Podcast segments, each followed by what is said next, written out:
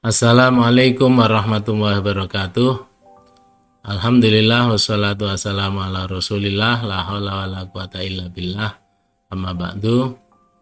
Para peserta pengajian kitab Lubabul Hadis yang saya hormati yang dirahmati Allah. Alhamdulillah kita bisa melanjutkan ngaji kita. Sekarang kita masih uh, Al-Babus Sadis bab yang keenam tentang keutamaan uh, wudhu nah, kita keutamaan wudhu kita lanjutkan hadis yang ke lima ini ya. Bab kelima atau keberapa ini? Bismillahirrahmanirrahim. Waqala sallallahu alaihi wasallam.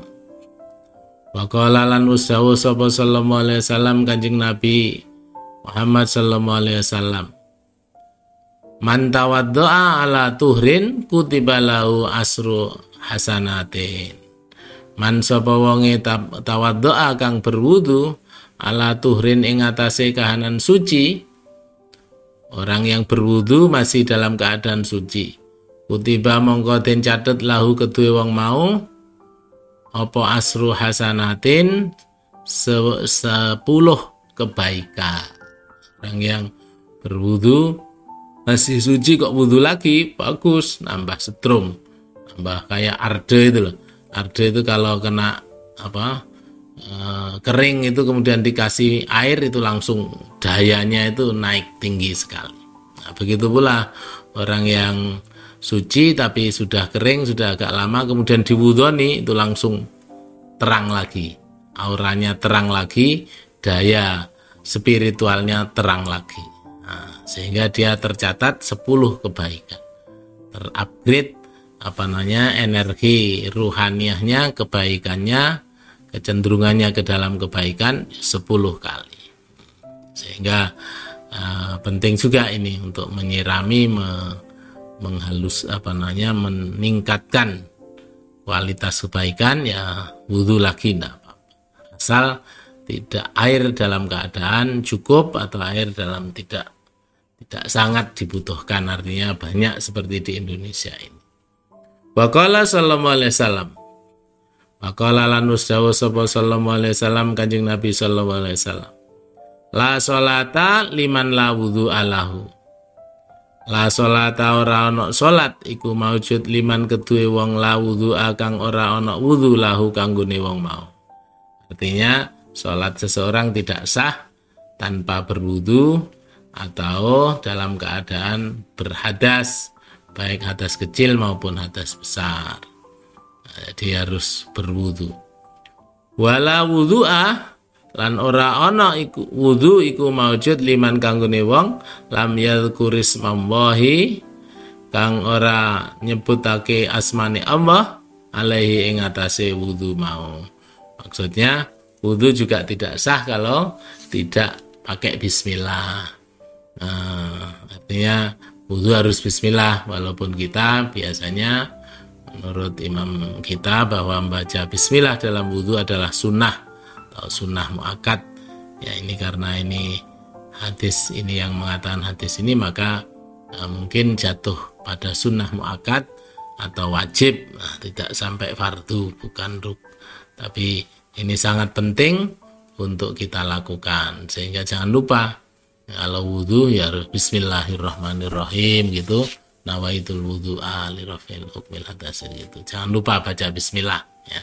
Jangan lupa baca Bismillah karena ternyata ada hadis Nabi pernyataan Rasulullah bahwa la wudhu'a liman lam yadkuris alaih ora ono wudhu iku maujud iku absah liman kanggone wong lam yadkuris Allah kang ora nyebut nih asmani Allah alaihi ing atase wudu mau. Wudu yang tidak dimulai bismillah bisa tidak sah. Nah ini. Sehingga uh, monggo ini di mengingatkan kita uh, walaupun mungkin ulama kita pada mengatakan bahwa statusnya sunnah tapi ini berarti penting sekali. Seandainya sunnah pun namanya sunnah muakkadah. Tapi kalau ini wajib ya wajib juga karena perintah al aslu fil amri lil wujub ya nah, sehingga nah, menjadi wajib nah, dasarnya ini uh, apa namanya ada yang menghukumi sunnah ya mungkin sunnah yang sangat dikuatkan. Waqala sallallahu alaihi tadi sama dengan wajibnya tadi setara dengan yang tadi uh, sholat tidak sah tanpa wudhu. Nah, begitu pula wudhu tidak sah tanpa menyebut bismillah setara dengan itu. Waqala sallallahu alaihi wasallam anu sawuh sapa Kanjeng Nabi sallallahu alaihi wasallam Al wudhu syatrul iman. Al wudhu utai wudhu iku syatrul iman, pancere iman. Sentral iman. Satrun itu center, sentral. Satrul iman sama sentralnya iman. Uh, pas tengahnya iman, sesuatu yang sangat penting di dalam menumbuhkan keimanan. Bisa merontokkan iman, bisa menyuburkan iman. Langsung di senternya iman di wudhu bener pantas sehingga tadi saya juga mengatakan tadi pantas kalau gitu.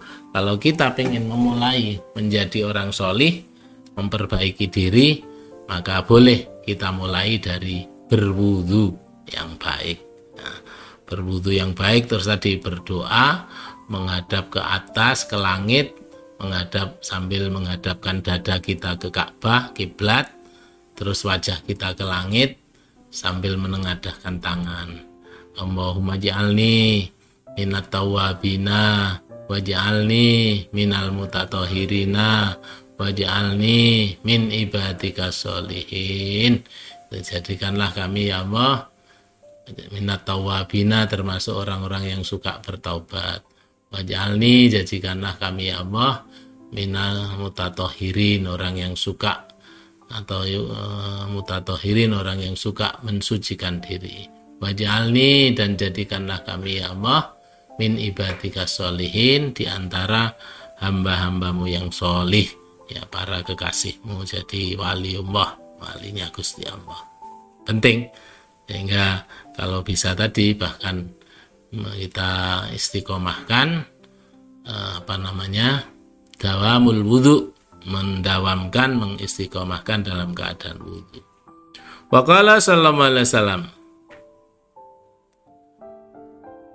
Sibghatul wudhu'i marrotun Sibghatul wudhu'i utawi celupane wudhu, basuhane wudhu iku marrotun saambalan.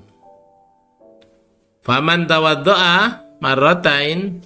Paman monggo sopone wong tawaddoa kang berwudu marrotaini kelawan rong ambalan rong celupan rong basuan kana lahu kiflani kana ono lahu kedue wong mau kiflani rong rong pikulan minal ajri saking ganjaran. Kalau dia sakjane wudhu itu cukup satu kali.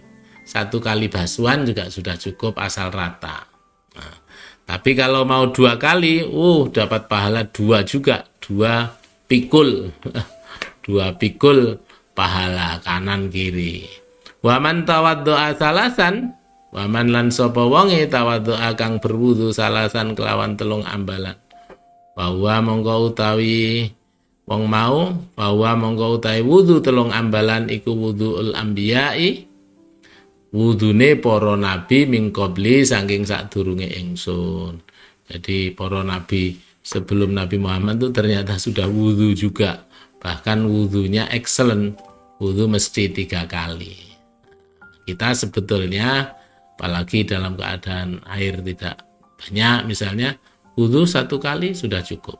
Atau dalam keadaan waktu sudah mendesak mepet waktu sholatnya mau habis misalnya wudhu satu kali sudah cukup kalau dua itu dapat pahala dua pikul kalau tiga kali itulah wudhu yang istimewa, wudhunya para nabi sejak zaman nabi sebelum Nabi Muhammad. Ya, sehingga ya kita di Indonesia ini diberi kemurahan air oleh Allah ya wudhu tiga kali lah, wudhu tiga kali. Kalau lebih namanya israf, kalau tiga kali itu yang sempurna. Ya. Wakala sallallahu alaihi wasallam Qala lan wasjawa sapa sallallahu alaihi wasallam Kanjeng Nabi Muhammad sallallahu alaihi wasallam. Layak balummahu Allah ora nampa salata ahadikum ing salate salah sijine sira kabeh. Idza ahdatsa nalikane wong iku mau berhadas hatta doa sehingga berwudu.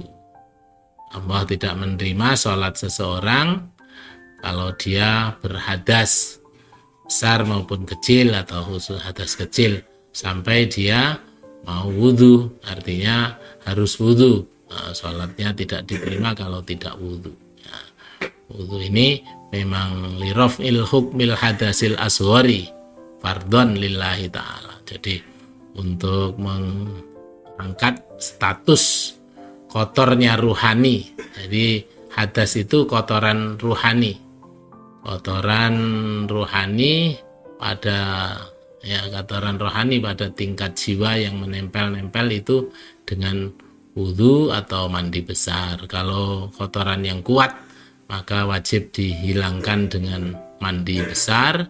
Kalau kotoran itu kecil maka cukup di eh, dengan berwudhu membasuh anggota-anggota tertentu itu wajah, tangan dan kaki saja. Memang untuk untuk mengangkat dosa menghilangkan besar sebagai hijab isolator hubungan kita dengan Allah. Waqala sallallahu alaihi wasallam. Waqala lan usawa sapa sallallahu alaihi wasallam Kanjeng Nabi sallallahu alaihi wasallam. Al wudhu alal wudhu'i nurun ala nurin. Al wudhu utai wudhu alal wudhu ing atase wudhu kang weneh yang lain iku nurun ala nurin padha karo cahaya ing atase cahaya. Kalau kita wudhu masih dalam keadaan berwudhu tadi man e, tawaddoa man tawaddoa e, ala tuhrin e, berwudhu dalam keadaan masih suci tadi sama dengan menambah cahaya di atas cahaya. Sudah bercahaya tambah cahaya lagi, tambah voltase e, apa sini kekuatan ruhani kita, sinyal kita. Ya, mudah-mudahan sekali lagi kita bisa istiqomah menjaga wudhu kita. Kalau bisa kita memang selalu menjaga dawamul wudhu. Setidaknya kita usahakan setiap kali keluar dari kamar mandi kita, dia eh, setiap kali keluar dari eh, tempat air, maka kita sudah berwudhu. Insya Allah hidup kita akan terbimbing dan dibimbing oleh Allah Subhanahu wa taala sehingga kita menjadi orang-orang yang solih betul. Terima kasih. Mudah-mudahan kita bisa lanjutkan pada bab yang akan datang. Assalamualaikum warahmatullahi wabarakatuh.